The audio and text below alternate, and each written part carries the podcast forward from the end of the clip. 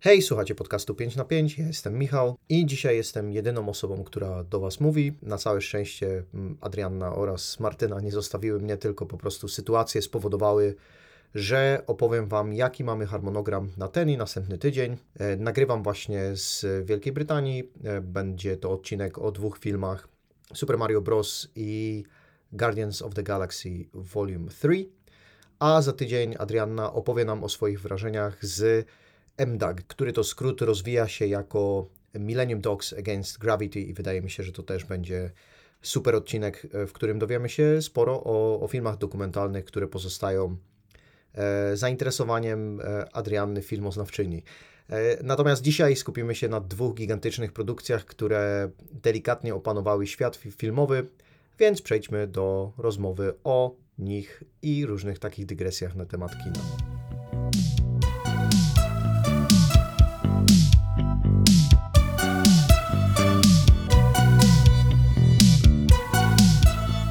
Momencie nagrywania odcinka znajduję się w Edynburgu i nie mam pojęcia niestety jak to będzie dokładnie brzmiało, bo warunki nagrywania nie są dokładnie takie same, jakie mamy normalnie. Kiedy, I jest to też drugi w historii podcastu odcinek solowy. Pierwszy był też częściowo Ady przygotowaniem do tego, co robiła na, na studiach, a ja tutaj teraz będę próbował popowiadać trochę o moich wrażeniach. Kiedy wybrałem się do kina albo zdecydowałem, że e, mój czas spędzony w Szkocji będzie również poświęcony na to, żebym oglądał filmy, no to e, musiałem wybrać, do którego kina pójdę e, i padło na View. I jak się okazuje, View znamy całkiem nieźle ze względu na to, że ich odpowiednikiem w Polsce jest po prostu Multikino, bo jest to dokładnie ta sama grupa korporacyjna, która posiada polskie Multikino. I jak się dzisiaj dowiedziałem, e, czytając e, ciekawostki na temat tego na Wikipedii, e, są właścicielami Multikina od 2013 roku. I gdybyście spojrzeli na stronę View w Wielkiej Brytanii, to mielibyście dokładnie takie same wrażenia, jakie macie, jeśli wchodzicie na stronę Multikina i próbujecie kupić bilety. Co mnie dosyć pozytywnie zaskoczyło, to fakt, że bilety na film kosztują 5 funtów. Wiadomo, nie w jakimś tam optymalnym miejscu, tak jak normalnie w Multikinie sprawdzacie i o, w Starym Browarze można kupić e, bilet za 20 zł, a w Multikinie 51 do jakiegoś momentu kosztował 15 i zastanawiano się, no, no okej, okay, skąd, ale dlaczego taka cena, e, skoro zazwyczaj e, teraz już filmy kosztują więcej, na przykład w Cinema City. E, No i 5 funtów jest też dosyć e, mm, ok ceną biletu w porównaniu do tego, jak byłem w kinie ostatni raz w Wielkiej Brytanii, gdzie bodajże za, e, za bilet w innym kinie zapłaciłem e, 10 czy, czy też 11 funtów i gdzie po prostu ta rozrywka zdawało się, że, że, że ta cena wyjdzie o wiele więcej. Ja wcale nie, nie szedłem na jakiś, e, na jakiś film 3D. E, No i ten, to, to view, do którego udało mi się dostać, znajduje się w Omni Center e, w Edynburgu. Jeśli ktoś będzie, to może bardzo łatwo rozpoznać, bo po pierwsze jest w centrum miasta, a po drugie stoją e, przed nim trochę jak Magdaleny Abakanowicz, e, ludzie bez głów w, Poznaniu, to tutaj mamy żyrafy z takiego metalu, a samo mm, centrum handlowe jest, jest, jest takie, mm, przede wszystkim jest tam jedzenie i miejsca na, na picie, no i właśnie to kino, które ma, e, ma 10 ekranów. Pierwszym z filmów, które obejrzałem jest Super Mario Bros., które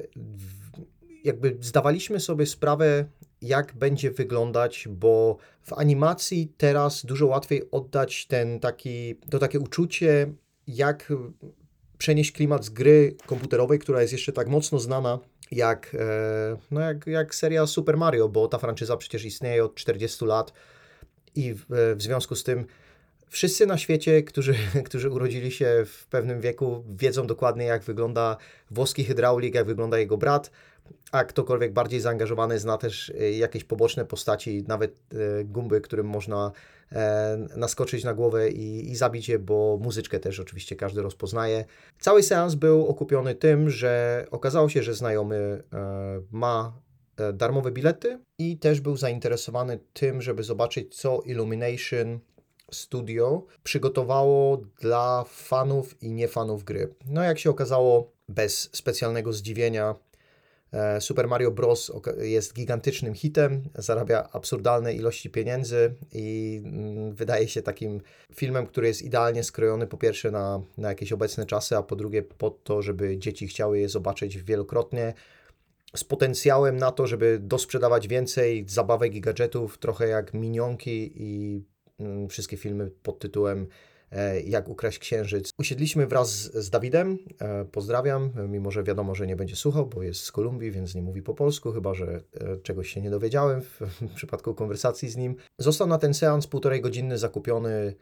Jack Daniels z kolą w puszce, idealnie wymierzony na to, żeby, żeby nie musieć wyjść do łazienki w trakcie, bo też spodziewałem się, że jeśli to będzie film oparty na Super Mario oraz e, film Illumination, to akcja będzie działa się praktycznie od początku do końca. No i problem jest taki, że e, może lepiej by było, jakbym na małe części tego filmu faktycznie z niego wyszedł, bo nie jestem celową publicznością pod względem klimatu tego filmu, ale może w ogóle zacznijmy od tego, co w filmie mi się dosyć mocno podobało, bo wygląda obłędnie i wygląda dokładnie tak, jak chyba wszyscy życzyli sobie od momentu, kiedy jakiekolwiek adaptacje gier wideo zaczęły pojawiać się. Przy czym oczywiście mamy tutaj też e, z lat 90. ten, ten film o braciach Super Mario, który wszyscy fani pa patrzą na niego i zadają sobie pytanie, w jaki sposób mogło dostać, do, zostać doprowadzone takie niezrozumienie materiału źródłowego, żeby stworzyć dokładnie ten film. No i Tutaj takich wątpliwości absolutnie nie mamy, chociaż pewne pytania do tego, czy, nie wiem, osobowości Mario i Luigiego są takie, jakie, jakie odebralibyśmy z gry, mogą się pojawić, chociaż oni nadal pozostają w pewnym sensie takim Mm, materiałem, na którym nadal można dorysowywać rzeczy. Ale e, Mario w latach 90. zdecydowanie nie spełnił oczekiwań, wpisał się doskonale w e, kanon tych produkcji, których mówiliśmy, a gry wideo mm, absolutnie nie da się ich przenieść na, na ekran. No i tutaj teraz e, raz po razie zrywamy z tą łatką, zwłaszcza, że nowy film o braciach Mario, czyli Mario i Luigi, no, wygląda y, inaczej, dos, zachowuje te wszystkie wizualne elementy, które pojawiają się w grach i przekazuje je na, je na ekranie w taki idealny sposób. No, nawet jeśli Mario skacze po tych platformach i grzybkach, to one nie wyglądają dokładnie tak samo jak grze, w sensie nie jest to Super Mario Odyssey, albo nie jest to Super Mario Galaxy, albo nie, nie jest to pierwsze Super Mario, ale jest to połączona taka magia animacyjna kina z tym, co możemy kojarzyć z gry i absolutnie te wszystkie te wszystkie żarty są zachowane. Prawie żaden element nie jest potraktowany w taki sposób, który wybrzmiewałby jak hej, to jest z gry komputerowej, my musimy to poprawić, bo my jako kino jesteśmy taką wyższą e, formą sztuki, w związku z czym e, musimy, e, musimy nadać temu inny kształt. Nie, powiedziałbym, że pod tym względem jak gra wygląda i jak animowane są postaci, pozostają dosyć wierne i pozostają takie, że, że ludzie grający w gry i traktujący je dosyć poważnie nie będą mieli powodów do narzekania. No gorzej jest niestety, gorzej jest niestety z tymi elementami, które zostały dodane z tego względu, że musieliśmy mieć ludzi, którzy pod e, Mario, Luigiego, Peach będą podkładać głos i będą dawać im faktyczne takie długie linie dialogowe do wypowiadania. I sam film zaczyna się od tego, że dostajemy e, Luigiego i Mario mówiący, mówiących z e, fatalnym włoskim akcentem, takim jak wyobrażamy sobie, albo inaczej, to co słyszymy od Charlesa Martineta, który wydaje jakieś pojedyncze odgłosy i mówi jakieś pojedyncze słowa e, w grze. No ale, ale traktuje to film jako, jako żart, bo to jest taka reklama, którą bracia przygotowują, a potem dostajemy no to, czego się obawialiśmy, bo dzisiejszy odcinek będzie mocno prat-centryczny, bo Krzysztof jest obecny w w zasadzie głównej roli i tutaj, i w następnym filmie. E, no i rzeczywiście te wszystkie rzeczy, które martwiono się przed premierą, czyli o, jaki on głos tutaj doda i czy nie będzie zbyt pratowy do, do, do postaci Mario, no to pozostają potwierdzone. E, natomiast jako Luigi zatrudniono Charlie'ego Daya, którego znamy z e, serialu It's Always Sunny in Philadelphia, gdzie gra tę postać która, a, albo w zasadzie w każdym swoim występie Charlie Day daje tę postać, która jest nie do końca zrównoważona psychicznie i daje tę taką maniakalną energię, która mam wrażenie, że do Luigi'ego jest absolutnie niepotrzebna. I mimo, że ja Charlie'ego Daya bardzo lubię i, i wiadomo, że chłopak tam się stara dosyć mocno, no to mm, moim zdaniem to jest duży błąd castingowy, wy, wybieranie go do postaci Luigi'ego, który raczej słynie z tego, że, że po prostu jest tchórzem, a w samym filmie no, znika tak na połowę. W sensie Bowser go porywa i nagle już skupiamy się tylko i wyłącznie na tym, na przygodzie Mario, e, Mario i Peach. No i to jest, to jest też ta jedna rzecz, którą, dla której postawię duży zarzut do, do filmu, jest, że rzeczy dzieją się w absurdalnym tempie, poucinane, często wynikają e, z bardzo małych pobudek, tylko żeby nas przekopywać z jednego, z jednej sceny takiej akcyjnej, czy jednej sceny, nazwijmy to platformowej, E, do kolejnej. I nie miałbym z tym problemu i oglądając te sceny e,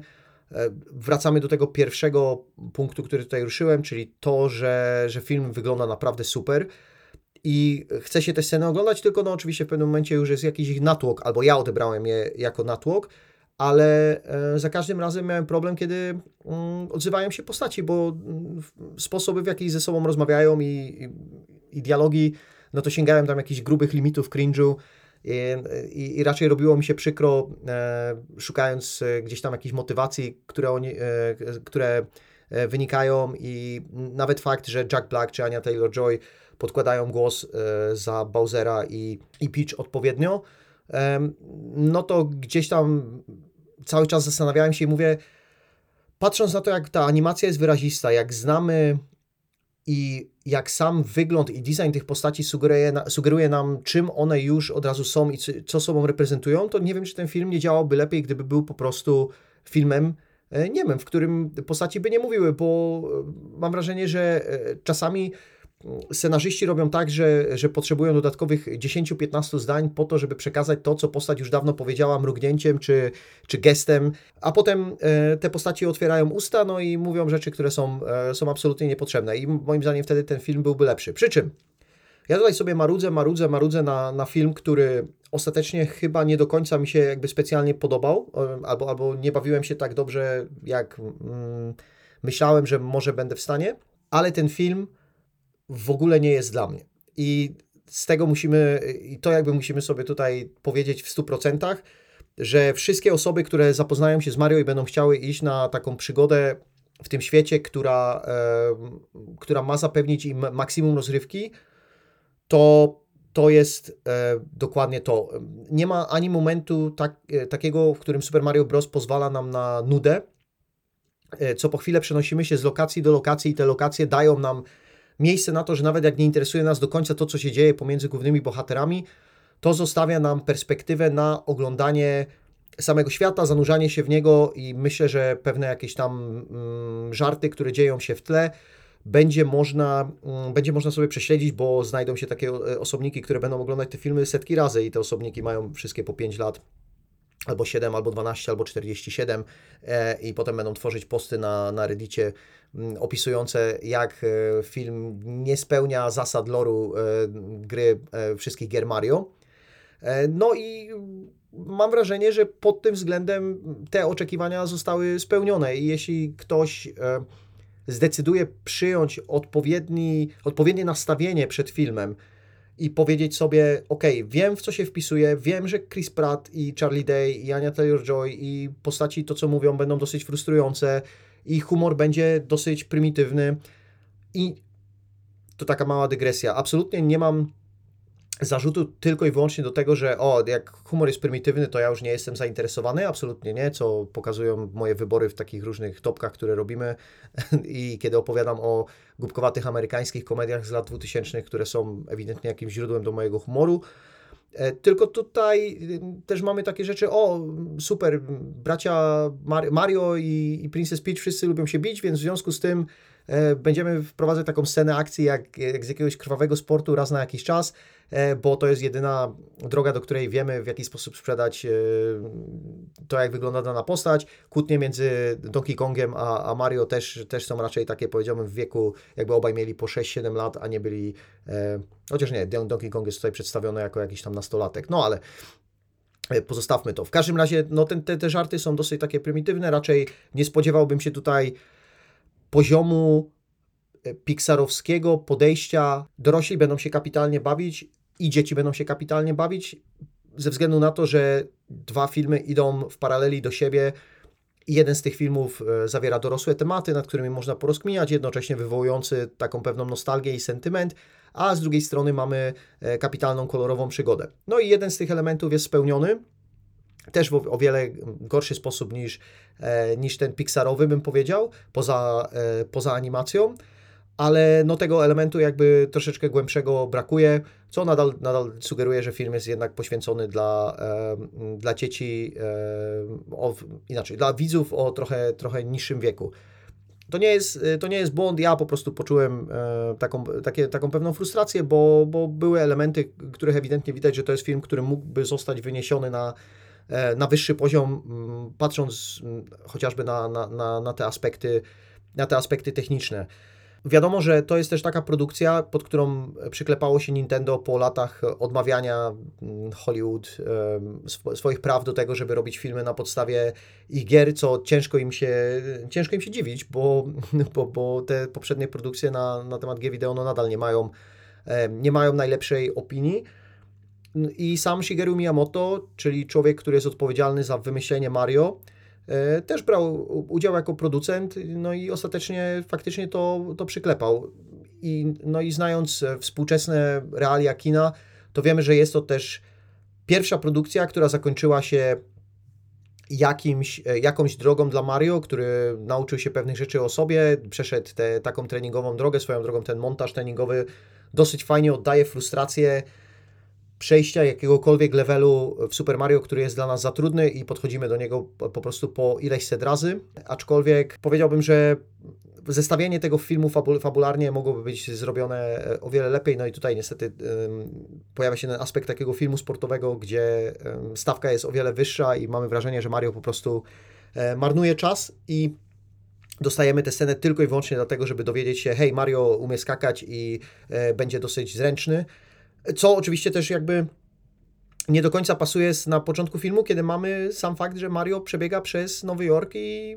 też radzi sobie z parkurem, więc nie wiem dlaczego musi przejść ponowną, e, ponowną specyfikację treningową e, pod, pod okiem Peach, e, skoro już dostajemy go jako charakteryzację postaci, dostajemy to, że, że, że Mario całkiem nieźle sobie z tym ruchem wcześniej radzi. Dla fanów e, nostalgii, dla fanów tego, żeby znaleźć sobie ten sentyment przypomnienia dzieciństwa i grania na u nas tak zwanym Pegasusie, bo u nas nazwy NES i SNES raczej, e, raczej się specjalnie nie pojawiały, to znajdzie to, bo muzyka została skomponowana w taki sposób, żeby przywoływać główny temat z Mario i różne inne takie poszczególne muzyczki i wplatać je w e, fabułę całkiem nieźle i wychodzi to, wychodzi to dobrze, bo uruchamia, um, uruchamia to Mm, mięśnie w twarzy, które powodują e, e, uśmiech, który nie jest e, absolutnie wymuszony i, i, i wraca i dosyć mocno trzyma nas za gardło i mówi: O, teraz pamiętasz, jak bawiłeś się jako, jako dziecko, siedząc i biegnąc w prawo i próbując naskoczyć na gumbę albo na skorupkę? No to, no to wyciśniemy z ciebie wszystkie te wspomnienia i Twoje spojrzenie na film pozostanie lepsze niż, niż, było, niż było, powiedzmy, gdybyś tak spojrzał trochę bardziej obiektywnie. E, kolega, z którym byłem e, w View, bawił się, twierdził, że bawił się lepiej i prawdopodobnie jego podejście było lepsze. Ja niestety teraz brzmię trochę jak właśnie Grumpy Dziadek, który, który jest ojcem Konga. Tam, tam jest jakaś niezgodność taka franczyzowa w loże, ale, ale faktycznie faktycznie dostałem rzeczy, które, które były połączone z jakąś taką moją gamingową przyszłością, ale jako film, e, jako film e, czułem się e, mocno sfrustrowany. Wszystkim osobom, które planowały i chcą się wybrać, to jest to film na tyle dostarczający, że nie odradzałbym, ale moje polecenie na to, żeby faktycznie był mus na wybranie się, to, to, to raczej, raczej osoby poniżej lat tam 11-10, ale jest też, jest też taki pewien problem, bo jest to film mocno hiperaktywny i nie wiem, czy, nie wiem, czy on czasami nie przeładowuje widza, e, nie przeładowuje widza bodźcami. I nie robi tego niestety w sposób tak mądry, jak robią to najczęściej Phil Lord i Christopher Miller, tylko bardziej opiera się na mm, takim czasami bezcelowym zalewie w nasze, mm, na takim bezcelowym zalewie na, na, na nasze zmysły niekoniecznie, niekoniecznie mając coś takiego mocno technicznego e, na myśli, bo inaczej, inaczej ten atak na zmysły wygląda w e, Spider-Man Into the Spider-Verse. Swoją drogą e, premiera drugiej części zbliża się, a, a inaczej wygląda to, to w Super Mario Bros. E, dlatego dla mnie taka e, neutralna, aczkolwiek neutralna, neutralny werdykt, ale rozumiem, jeśli komuś ten film bardzo się będzie podobał i wyjdzie z niego, e, wyjdzie z niego z takimi, z takimi super, super wrażeniami. No, no, korporacyjne podejście do, do zaprezentowania nam produktu z bardzo, bardzo, bardzo wąsko rozwiniętą fabułą, szeroko zarysowanymi motywami postaci, E, no i głosami gwiazd filmowych, które zostały zatrudnione po to, żeby być gwiazdami filmowymi, zamiast faktu, żeby, e, żeby wykorzystać mm, żeby wykorzystać takich naprawdę dobrych głosowych aktorów do, do zrobienia z tych, postaci, e, z tych postaci czegoś więcej. No nie sądziłem, że, że da się frustrować na Mario, łatwiej się frustrować na Luigiego, który jest boipiętą, no ale, ale tutaj w tym filmie super mi to wyszło, bo, bo Chris Pratt E, właśnie, właśnie też to osiągnął. Chrisem Prattem możemy spokojnie przejść do, do kolejnej produkcji, która wyłania się z e, tego samego poletka marvelowskiej franczyzowości, ale z tej serii, która jawi się jako to takie pewne oderwanie od marvelizacji i chyba najbardziej autorska produkcja e, z rąk Marvel, Marvel Cinematic Universe. A mamy na myśli Guardians of the Galaxy Volume 3, który został wyreżyserowany przez Jamesa Gana, co, co przez pewien moment e, nie było do końca pewne, jako że Gunn popełnił grzech e, posiadania przeszłości i bycia dużo młodszym, e, z zapędem na to, żeby być komikiem z tak zwanym edgy material, czyli z takim bardziej kontrowersyjnym, prowokacyjnym, co oczywiście tam niespecjalnie wychodziło, zostało mu wyciągnięte i ogólnie cała historia. Ale żeby zarysować e, wyjście do, do kina Omni ponownie, to tym razem udało mi się e, z bratem dogadać, który nie jest wielkim fanem e, Marvel Cinematic Universe, ale mówi, że widział zarówno Guardiansów pierwszych, jak i drugich,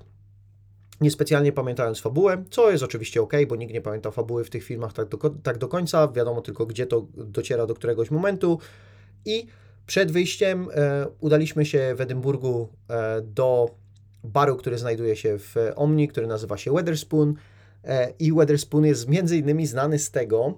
że jego właścicielem jest taki wspieracz mocny Brexitu, który wypowiadał jakieś tam niepochlebne niepochlebne słowa na temat imigrantów, zaprosił ich do tego, żeby, żeby wy, wybrali się do domu, mimo że życzeni imigranci na przykład pracowali często i mocno e, w serii tych jego barów. No i Weatherspoon, e, jeśli ktoś nie miał e, okazji być, to on próbuje robić taką jakby wymyśloną przez AI kopię lokalnego baru, do którego, do którego udają, się, udają się lokalsi w danej dzielnicy i chodzą do tego baru od 70 e, lat e, i wiadomo, siedzieli tam przy tym dywanie, bo, bo takie bary zawsze muszą mieć dywan, jest kącik, gdzie są rzutki, często jest, e, często jest bilard, można wybrać sobie z menu jakieś konkretne jedzenie, no i siedzi sobie taki szkot, szkot w tym samym stoliku o tej samej godzinie z tymi samymi ludźmi, popijając jakiegoś tenenca i rozmawiając o, o tym, czy, czy na przykład Aberdeen, e, gdzie najbliżej mi było do takiego baru, który nazywa się Holborn i Holborn reprezentował właśnie bardzo, bardzo dobrze taką wersję nie AI tego, tego baru, no i rozmawiali o tym, czy Aberdeen na stadionie Pitodri e, powinni zakontraktować na przykład Jurda Selzawona, no i ta, e, ta rozmowa przejawiała się przez dekady. No i Weatherspoon pewne elementy zachowuje całkiem, całkiem nieźle, bo jest ten dywan na drodze, można sobie kupić pint, no i jest też świadkiem, jako że jesteśmy w Omni, jesteśmy w centrum Edynburga, to można być też świadkiem tego, że ci Brytole, którzy przyjeżdżają do do Europy, do Krakowa, do Amsterdamu e, i mamy pewne zastrzeżenia do tego, w jaki sposób mogą się zachowywać, to, to nie są Brytole, którzy zostawiają te facjaty tylko i wyłącznie na, e, na wyjazd, tylko jak e, wiedzie 11 pint od rana i znajdują się w takim miejscu w czwartek o godzinie 19.30, no to są też gotowi nabruździć troszeczkę w swoim domu. No i w tym Weatherspoon chodzi sobie taka ochrona, no i podchodzi taki z kultury kolesiarskiej, czyli z lat culture. E, człowiek, który ewidentnie już nie powinien dostać kolejnego browara, ma tak zwaną zakazaną fryzurę. E, no i e, mętnym wzrokiem próbuje coś tam tłumaczyć, że nie wiem, czy wylał piwo, czy, czy kogoś zaczepił, czy w każdym razie no, nie powinien w tym barze już siedzieć. co mnie, co mnie zawsze bardzo fascynuje, że kiedy tutaj kolesiarze pobierają piwo przy barze, to z jednej strony mają żyroskop w ręce i donoszą je do stolika e, w całości, w sensie nie wylewają go, nie odwracają szklanki do góry nogami i nagle nie kończy się na, e, na nogawce, czy, czy nie wylewa im się do kieszeni kurtki, ale, e, ale robią jakiś taki performance z tego, że podejmują tę szklankę i zaczyna się z niej wylewać i, i jednak powiedziałbym, że taka jedna czwarta piwa kończy na podłodze i na tym dywanie, który w pewnym momencie po prostu śmierdzi jak to piwsko, no i to jest taki zapach, który pozostaje na zawsze. No i człowiek dociera, dociera do stolika, ma tego piwa jed- jedną czwartą i ta sztuka e, dla sztuki, czy, czy, czy to, że chce się napić z tym piwem, to, to ja nie wiem, czy, mm, czy tutaj jest, zostaje podjęta właściwa decyzja. No w każdym razie, e, poszliśmy tam na tak zwany, na tak zwany pint, e, pośmialiśmy się trochę z tego miejsca i wybraliśmy się do kina dalej, tym razem znając długość filmu, bo o ile Mario ma 90 minut, no to wiedzieliśmy, że Strażnicy Galaktyki będą mieli około 2,5 godziny. No wiadomo, musi być to zamknięcie trylogii, więc na tyle, na tyle us- usprawiedliwmy to, że znowu ten film nie mieści się w jakichś takich ludzkich, e, ludzkich ramach. E, Więc tym razem e, zostały zabrane dwa e, Jackie Danielsy z, z kolą w puszce i zostały, zostały też przygotowane miejsca na dwa wyjścia do, e, do łazienki. E, Nie wiem, czy, czy pamiętacie, ale był kiedyś taki artykuł napisany, albo było jakieś kino bodajże w Stanach Zjednoczonych, które robiło taką rzecz e, w stylu jak idziesz do toalety, to możesz tam spojrzeć na taki mały ekranik, tak żeby nie stracić jakichś, e, jakichś wartościowych momentów z filmu i żeby się nie zgubić, żeby nie musieć spieszyć się e, biegnąc z powrotem do, do sali. I muszę powiedzieć, że byłbym gigantycznym fanem tego rozwiązania, e, chociaż oczywiście e, z, z perspektywy, e, perspektywę tak zwaną biznesową zawsze mogło, mogło, mógłby się znaleźć argument, że będzie jakiś taki mm, kombinator, który wymyśli, nie no, w sumie jak będę siedział e, sobie tutaj w e, kabinie, to mogę sobie obejrzeć cały film za darmo, niespodziewanie przesmykując się e, za zajętym kasjerem e, i, e, i może wrażenia nie będą najlepsze, nogi ścierpną, ale, ale cały film będzie obejrzany, Czy, przy czym oczywiście jakość obejrzenia tego filmu no, też pozostawiałaby dużo do życzenia. W każdym razie, kończąc tę dygresję i przechodząc do innej, nie wiem, czy mam to samo, jakby pod, albo przynajmniej podobne wrażenie z View, jak miałem w Multikinie, że mm, zastanawiam się, czy te ceny biletów w pewien sposób nie wynikają z tego, że kino, że kino ma jakby się chylić ku pewnemu upadkowi, mimo że istnieje już od, od wielu lat i pewnych rzeczy nie słychać, ale ilość pracowników jest jakaś zatrważająco niska, panuje mm, takie, taki ogólny marazm w, w działaniu. E, No wiadomo, że w, w pracy, w sprzedaży detalicznej i obsłudze klienta nikt nie będzie siedział z e, oczywistym uśmiechem, ale, ale, ale no jest, to, jest to praca jako taki stepping stone i, i mam wrażenie, że te kina tak czasami trochę istnieją tylko po to, żeby, żeby dalej istnieć, ale nikt już nie do końca ma na nie pomysłu. No i jak, się, jak widać, jest to obecne zarówno zarówno na, na Wyspach, jak i w Polsce. I możliwe, że to jest tylko moje wrażenie, ale, e, ale, ale mm, zbieram to, to z, tych kilku, z tych kilku miejsc, gdzie, gdzie do tych kin chodzę. Dodatkowo oglądając, miałem cały czas wrażenie, że podobne problemy ekranowe pojawiają się i w Polsce, i tutaj. Czyli tak sprawdzałem i, i patrzyłem sobie na ten ekran, i cały czas miałem wrażenie, że i nie widziałem, żeby obraz był tak w pełni skupiony. I miałem to samo wrażenie, mm, jak oglądałem, jak oglądam też filmy w Poznaniu.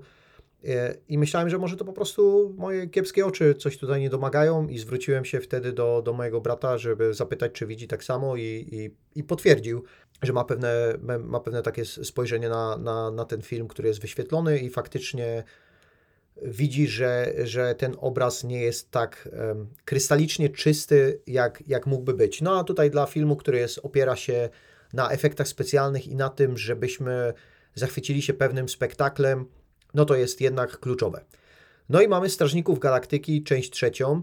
która dotarła na nasze ekrany po dosyć takiej burzliwej historii, bo w 2014 roku, kiedy James Gunn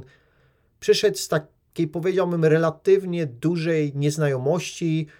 miał za sobą na przykład taki film superbohaterski z Rainem Wilsonem, którego znamy The Office, nazywający się Super, który był dosyć brutalny, w ogóle jego przeszłość była związana e, ze e, z tromą e, i mm, był scenarzystą, był producentem, zajmował się muzyką. No i Marvel w swoim takim zwyczaju stwierdził, że hej, weźmiemy sobie takiego reżysera, będziemy nim mogli kierować w jakiś sposób, bo nie jest na tyle doświadczony i nie ma na tyle wyrobionej marki, żeby pracował pod nasze dyktando i pod to, co potrzebujemy od tego filmu, co na przykład e, wypadało lepiej niż w DC, ale jednocześnie będzie mógł dołożyć swój pewien taki sznyt zainteresowania tematem e, odludków, tych ludzi, którzy nie pasują do jakiejś takiej pewnej roli,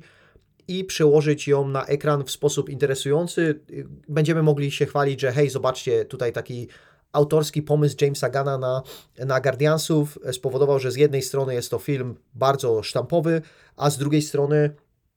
e, nadal, nadal są w nim jakieś pomysły, które mogą sugerować, że, e, że jest w tym trochę więcej sztuki niż e, tylko i wyłącznie biznesowego myślenia. No i okazało się, że James Gunn jest lepszy od tego i troszeczkę ciężej go, go kontrolować, bo zarówno Guardiansi jedynka, jak i dwójka, to o ile spełniają sporo z tych Marvelowych checklist e, i odznaczają e, te rzeczy, które są do zrobienia, bo jest tam Thanos e, tak otwarcie wprowadzony e, i jest historia e, związana z, z tymi wszystkimi Infinity Stones, to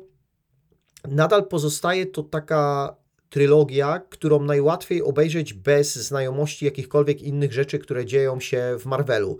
Bo skupienie pozostaje na bohaterach, na tych bohaterach, których e, poznajemy dosyć dogłębnie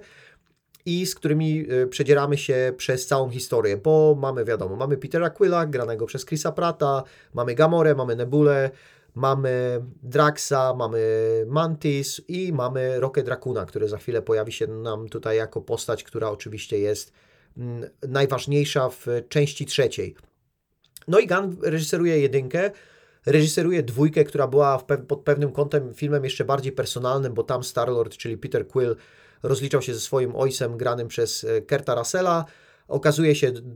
czy inaczej dowiadujemy się z lekcji filmu, że najważniejsze jest mieć rodzinę, nawet jeśli to nie jest Twoja rodzina taka bezpośrednia. E, ważniejsze jest jednak, żeby, e, żeby znaleźć kogoś, kto gdzieś tam do, do Ciebie rozumie, no i e, że war, warto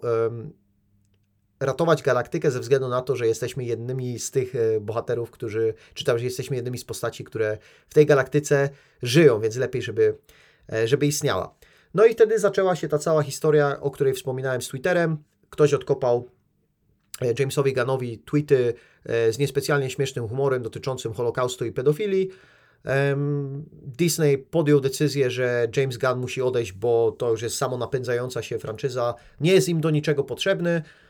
No i w międzyczasie James Gunn nie próżnował, bo DC jak dobry zespół sportowy zauważyło, że wolny agent jest na rynku z nie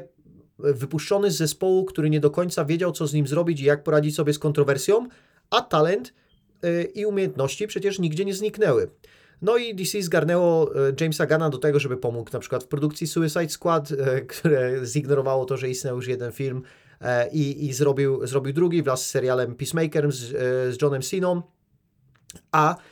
obecnie siwowłosy, wtedy już nie, James Gunn dotarł do takiego stołka, który przyrównałbym do tego, czym zajmuje się Kevin Feige w Marvelu, czyli jest obecnie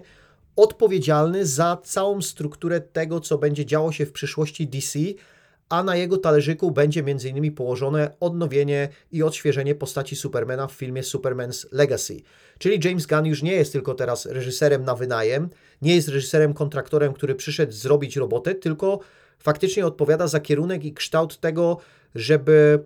jakoś ta przyszłość DC e, po prostu wyglądała. No i zaczyna, zaczniemy od Flasha, no i zobaczymy, czy ona będzie miała więcej e, składu i ładu niż miała pod kierunkiem Zaka Snydera, czy, czy, czy tego chaosu, który pozwalał um, filmowcom robić filmy tak na, na swoje kopyto, a jednocześnie coś tam budować. No i na końcu okazało się, że praktycznie każdy film z DC to jest jakieś tam e, rozczarowanie. Tak jak na przykład teraz e, nowy Shazam, od którego troszeczkę, no wiadomo, był skończony, a od którego się odżegnują. No i James Gunn dotarł do tej pozycji, a Disney w międzyczasie grzecznie stwierdził, że jednak warto by było, żeby wrócił i dokończył trylogię, bo po pierwsze no, zarabia dużo pieniędzy, a po drugie te postaci czekają na jakieś zakończenie po to, no i po to, żeby może e, z tej ostatniej fazy Marvela w końcu jakiś film okazał się solidnym hitem, żeby wróciło te, wróciły te dobre fluidy, które, które Marvela cały czas otaczały, bo nawet jak im szło słabo, to film był przynajmniej oglądalny, no a z tej fazy piątej no niestety było tak, że kilka z tych filmów to się dosłownie e, nie dało oglądać, albo było takie dosyć mocno nieprzyjemne wrażenie. I pokrótce James Gunn wrócił, zrobił po swojemu. Mam wrażenie, że dostał jeszcze większą swobodę chociażby z tej pozycji, której startował, czyli e, lekcja tutaj może być jakaś kiepska, że, kiep, że słabe żarty na Twitterze e, mogą cię popchnąć w górę, e, uzyskując jakieś awanse, nawet jeśli wydaje się, że dajesz krok w tył. E, miejmy nadzieję, że tej lekcji e, nikt nie będzie więcej podejmował. James Gunn jest tutaj e, pod pe pewnego rodzaju wyjątkiem. No i zrobił film, który moim zdaniem jest całkiem, całkiem dobrym zakończeniem tej trylogii. Powiedział, że indywidualnie e, trylogia e, Strażników Galaktyki wśród, jakbyśmy oglądali takie sekcje marvelowskie, to jest e, zdecydowanie najlepsza. Nie wiem, e, nie wiem na ile to e, na ile to, to świadczy, czy na ile jest to jakimś dobrym wyznacznikiem, ale każdy z tych filmów jest, jest bardzo, bardzo porządny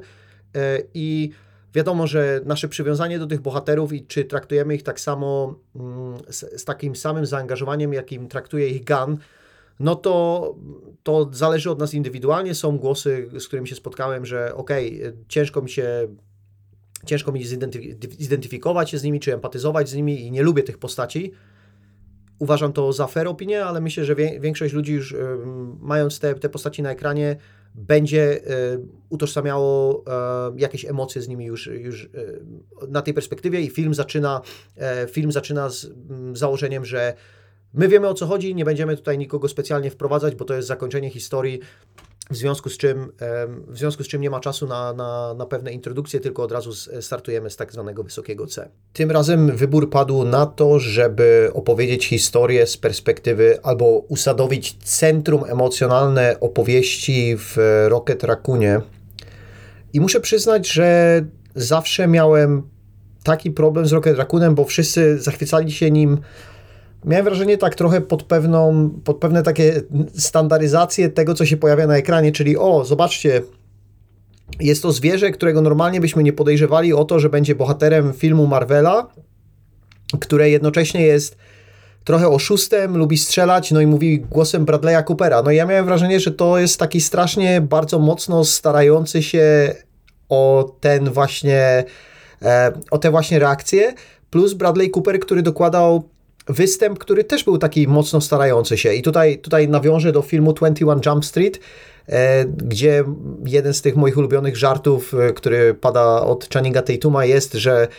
e, Jonah Hill i Channing Tatum są w szkole średniej, są na jakimś tam parkingu i wychodzi ta grupka znajomych, z którą próbują się zintegrować, taka, która jest tymi It People w szkole. E, no jeden, e, jeden z tych ziomków jest aktywistą, już będąc bardziej świadomym, generacja Z i tak dalej w szkole i on jest zaangażowany w jakiś projekt i Channing Tatum na niego pokazuje i mówi, haha, to jest człowiek, który się stara i reszta na niego patrzy zdają sobie sprawę, że, że teraz już nieironicznie faktycznie jesteśmy w okresie, gdzie e, staranie się jest milej widziane niż nie staranie się. No ale Bradley Cooper, ja na niego pokazuję i mówię, haha, on się stara, e, bo, bo ta rola e, no nie, nie brzmi zupełnie jak on i widziałem nagrania z jego motion capture, czy też, przepraszam, nie z motion capture, tylko z tego, jak nagrywał głos no, no i tam ewidentnie wczuł się w rolę, ale nie kupowałem jego postaci do końca pod względem takim, że miałem takie wrażenie, że jestem lekko naciągany na, na bycie zainwestowany w, w jego los. Natomiast Guardiansi, część trzecia, dosyć mocno to zmienili, bo e, ten, te całe backstory gdzie poznajemy go, jak był młody, w jaki sposób dotarł do tego, że, że mówi, że jest e, e, o, tej, o tej takiej, nazwijmy to wyższej, jakiejś tam kognitywnej zdolności niż, e, niż zwykły shop pracz, to, e, no to pociągnęło za te wszystkie sznurki, którym, na którym mi też zależy, czyli e, dobrostan e, zwierząt i jednocześnie wpisuje się w to, czym James Gunn jest cały czas zainteresowany, czyli jak radzą sobie postaci, które są traktowane jako absolutne odludki, potwory, e, odmieńcy, mm, tacy bohaterowie, z którymi normalnie gdzieś tam się nie widujemy, a, a na pewno nie w tych mainstreamowych filmach. I tutaj ujawnia się moim zdaniem ta swoboda, którą jestem prawie pewien, że James Gunn dostał ze względu na, na to, że nie chciano go na zupełnie stracić, no i o tej, żeby dało się odkopać tej, temu Marvelowi po, po, po tych kiepsko idącej fazie piątej, bo to jest taki najbardziej brutalny film pod względem, nie tylko pod względem emocjonalnym, ale takim pod względem wizualnym, bo mamy tutaj świnię, która wygląda jak wyciągnięta z, mm, z żółwi ninja, Mamy y, tutaj jakieś takie mm, mechatroniczne, troszeczkę cyborgi, zwierzęta posklejane z różnych rzeczy, trochę wyglądające na przykład jak z, z filmu The Thing. Mamy głównego złego, który jest nazwany nawet e, Robocopem, bo dokładnie to samo skojarzenie mi przyszło, no ale potem okazało się, że ten żart został wymyślony w umysłach scenarzystów też i i tych takich dziwactw i brzydkości e, to przejawia e, się, może nawet nie brzydkości, tylko e, takiego namacalnego namacalnego czegoś, co jest trud, trudniejsze do dotknięcia. E, przejawia się to wszystko w scenografii, w tym jak postaci są zaprojektowane i dla mnie to działało super, bo ja jestem fanem horroru, jestem fanem tego, jak coś wygląda dziwnie. Totalnie zgadzam się mm, jakby z tą wizją Jamesa Gana, że fajnie jest spojrzeć na postaci, z którymi normalnie byśmy się jakoś tam nie utożsamiali. Chociaż oczywiście głównym bohaterem pozostaje dosłownie zwykły ziomek i zobaczyć, gdzie to wszystko prowadzi, a także traktować te, e, te postaci z należnym e, szacunkiem, który, e, który po, po, prostu powinni dostać za to, za to, że istnieją. I to jest jakby ten główny motyw, który tutaj się przewija, bo w tym momencie główny zły um, jawi się trochę niżej niż to, co próbuje zrobić Thanos, chociaż jego ostateczne cele są powiedzmy podobne, tylko on zgrywa takiego boga czy bożka, któremu wydaje się, że poprzez e, próby i działania stworzy w końcu społeczeństwo idealne, które będzie odzwierciedlało jego marzenie, jak powinno idealne społeczeństwo wyglądać. A ponieważ są postaci, które tego wrażenia nie spełniają, e, no to, e, no to próby muszą zostać podejmowane cały czas. I, I, w pewnym momencie zastanawiałem się, czy to nie będzie taka postać, która za chwilę, nie wiem, przeskoczy i nie stanie się Galactusem, zwłaszcza jak wylecieli tym statkiem kosmicznym z tej, z tej nowej Ziemi, z tej Counter Earth ale e, na całe szczęście nie, wszystko tutaj domknęło się, e, domknęło się do końca. Mm, Rocket Raccoon dostał, dostaliśmy jego backstory i dostaliśmy koniec i, i to, że został kapitanem i, i, będzie prowadził Guardiansów dalej. Niekoniecznie w MCU, niekoniecznie w takiej wizji pewnie jak, jak miał, go, miał go James Gunn, ale tę historię zamyka od początku do końca, cały czas poruszając ten temat, tej, ten, cały czas poruszając temat tej rodziny e, przyszywanej, będącej lepszą, albo przynajmniej tę, którą wybraliśmy, aniżeli tę, która była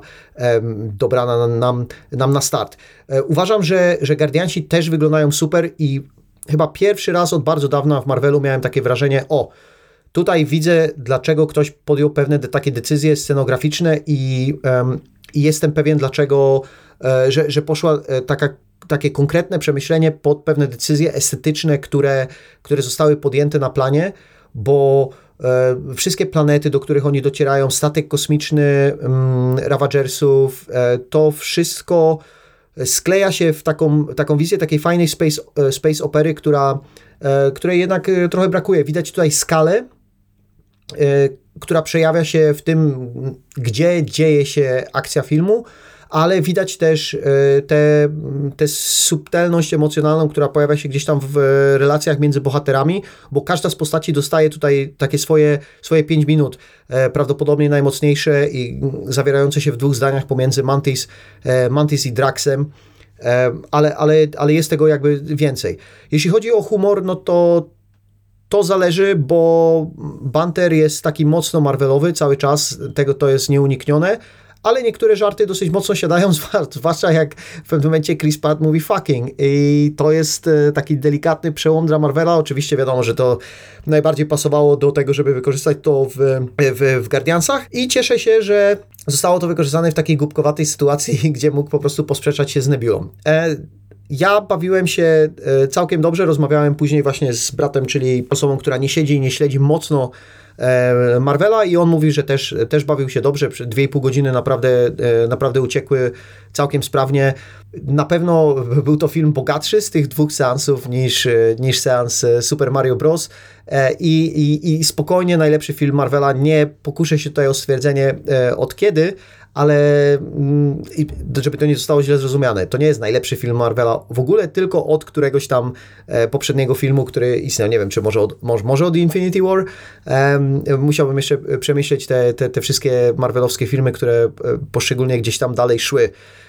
Ja za każdym razem cieszę się, kiedy taki film, e, który dzieje się w kosmosie, który ma mm, taki piracki, przygodowy, ma, ma takie pirackie przygodowe zacięcie, pojawia się na ekranie i e, te postaci lubię, mimo że wiadomo, że na Chrisa Prata teraz patrzę zupełnie inaczej niż w 2014 roku, bo jednak e, ciężki koleś do tego, żeby go e, tak w 100% lubić. E, wiadomo, przeszedł przez ten sam cykl, gdzie rozmawialiśmy o, o, o Jennifer Lawrence, e, z tym, że on chyba mm, nagrabił sobie troszeczkę bardziej. To tutaj zdarza mu się usunąć w cień po to, żeby ustąpić miejsca tym innym postaciom, które też dostają rozwinięte, bo jego, jego taki pewien cykl zakończył się w tej ostatniej części. E, dlatego jeśli ktoś lubi Marvela, to nie muszę mu polecać Guardiansów, bo, e, bo, bo wiadomo, że on ten film pójdzie zobaczyć. Dla osób, które nie oglądają Marvela, no niestety to będzie tego typu film, gdzie nie mogę powiedzieć, ej, idźcie zobaczyć z tego, z tego względu, że to nie jest film przeznaczony dla ludzi, którzy już, którzy już go, którzy znają ten świat, znają postaci, więc nie mogą od tego zacząć i należałoby wykonać jakieś zadanie domowe, na co e, nie można wszystkich namawiać, więc e, tak naprawdę e, to jest temat na na taką dłuższą rozmowę tylko o tym, co dzieje się w Marvelu, aniżeli w samym filmie, zwłaszcza, że James Gunn z Marvela wychodzi i pozosta- zostaną postawieni E, samemu sobie nad tym, żeby pracować, żeby, e, żeby do, docierać do takiej wysokości, które, które, które Gun zapewniał. Oczywiście, co mnie martwi z perspektywy mm, kinowidza i człowieka, który chciałby zobaczyć trochę więcej filmów niż tylko to, że istnieje Marvel, to Gun, który nie pracuje nad jakimiś swoimi projektami, ale jest to, mm, jest to facet, który otwarcie mówi, że nawet jeśli on nie zajmuje się tą rzeczą na mniejszą skalę, to to nie oznacza, że on nie poświęca emocjonalnego nie daje e, e, emocjonalnego powiązania e, z postaciami mniejszego, tylko dlatego, że robi coś dla,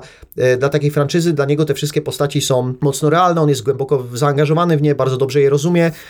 i bardzo dobrze rozumie ten, ten klimat Guardiansów, jednocześnie pokazując, że jest miejsce na to, aby autorzy w Marvelu znaleźli ujście na, na taką swoją kreatywność, nie tylko dlatego, żebyśmy dostali kilka ujęć, bo Sam Raimi kręci Doktora Strange'a albo Chloe Zhao dostaje parę miejsc na to, żeby, żeby umieścić siebie. E, Guardiansi mają na pewno e, tę autorskość wypisaną całą na sobie. Wszystkie, e, wszyscy, którzy są zaangażowani w ten film, wiedzą, co robią. Nawet nie można tutaj specjalnie narzekać, narzekać na CGI. I wprowadzenie postaci Adama Uroka dodało tam jakiejś dodatkowej komedii, no bo Will Potter jest, no nie, nie, ukrywajmy, jest tutaj całkiem dobry. Problem czarnych charakterów e, troszeczkę pozostaje, chociaż tutaj bardzo mi się podobało, że, e, że aktor grający te role, Chukudi Iuji, podkręcił do, do jedenastki bycie tym takim czarnym charakterem z takiego klasycznego filmu e, o, o, o superbohaterach, jednocześnie z tymi zrozumiałymi e, motywacjami. I nawet jeśli to nie jest jakiś top e, mm, pierwszy level, pierwsza liga czarnych charakterów, to, to, to i tak pozostanie, pozostanie w pamięci,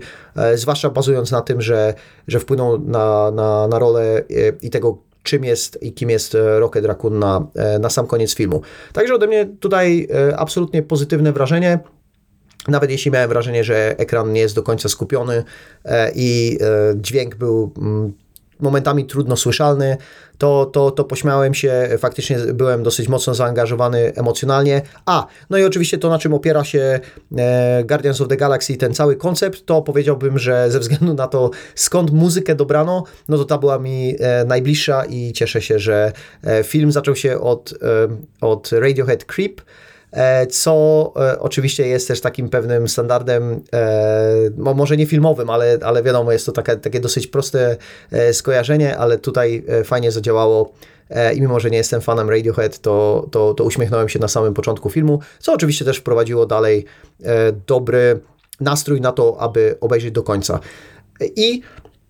w tym momencie będę podsumowywał edynburski odcinek w wizytach kinowych, E, Sorry, że nie udało mi się zrobić e, jakiejś wizyty w kinie studyjnym, tak jak to było w Brukseli, ale było takie kino, które, o które na przykład walczyła Charlotte Wells, e, reżyserka After Sun, e, które zostało zamknięte. No, e, no i niestety ta przyszłość kina nadal wygląda tak, jak wygląda, zwłaszcza jeśli e, e, moje odczucia to co do tego, jak mają się Multikino i View, e, mają jakiekolwiek pokrycie w rzeczywistości, ale dopóki, e, dopóki to się dzieje, można chodzić do kina, to, to nadal pozostaniemy, nadal będę próbował wizytacje w innych krajach e,